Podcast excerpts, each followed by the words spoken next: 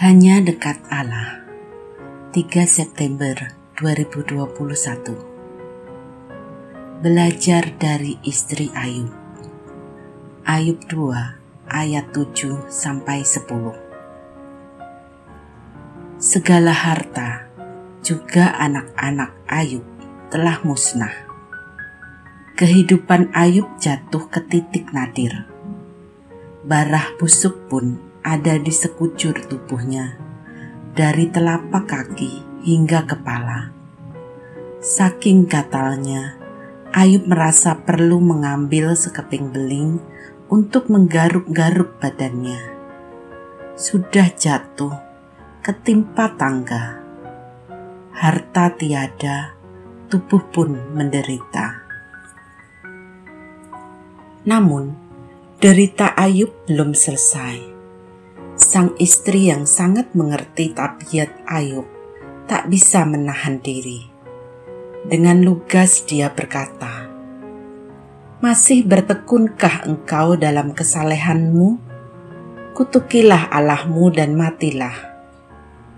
Ayub 2 ayat 9 Sudah jatuh ketimpa tangga, lalu koma.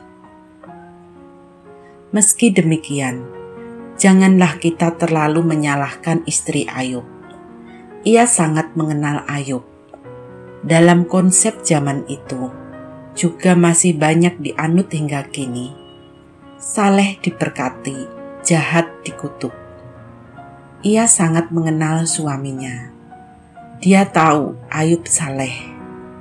Jadi, dalam kasus ini yang patut dipersalahkan bukan Ayub, tetapi Allah sehingga ia meminta Ayub untuk mengutuki Allah yang telah bertindak tidak adil dan bunuh diri. Istri Ayub tak mampu memahami dan menerima apa yang terjadi pada suaminya. Ia agaknya merasakan penderitaan Ayub. Ketika kehilangan harta dan anak, istri Ayub masih bisa bertahan tidak terdengar satu kata pun dari bibirnya. Usulan sang istri agar Ayub bunuh diri sejatinya bukanlah karena dia tidak sayang lagi dengan suaminya. Kemungkinan besar karena dia sangat menyayangi Ayub. Ayub tak sepakat dengan istrinya. Ia malah memarahi istrinya. Ayub berkata, engkau berbicara seperti perempuan gila.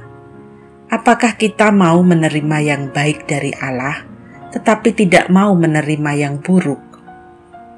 Ayub 2 ayat 10 Dan perempuan itu pun diam. Kita bisa belajar dari sepasang suami istri ini. Mereka tetap bertahan dalam penderitaan. Mereka tetap menjadi suami istri Alkitab mencatat bahwa sang istri tidak pernah meninggalkan suaminya. Dia memang tidak dapat menerima apa yang terjadi pada suaminya. Dia juga tidak bisa memahami pola pikir dan pola iman suaminya. Namun, ia tetap setia mendampingi suaminya.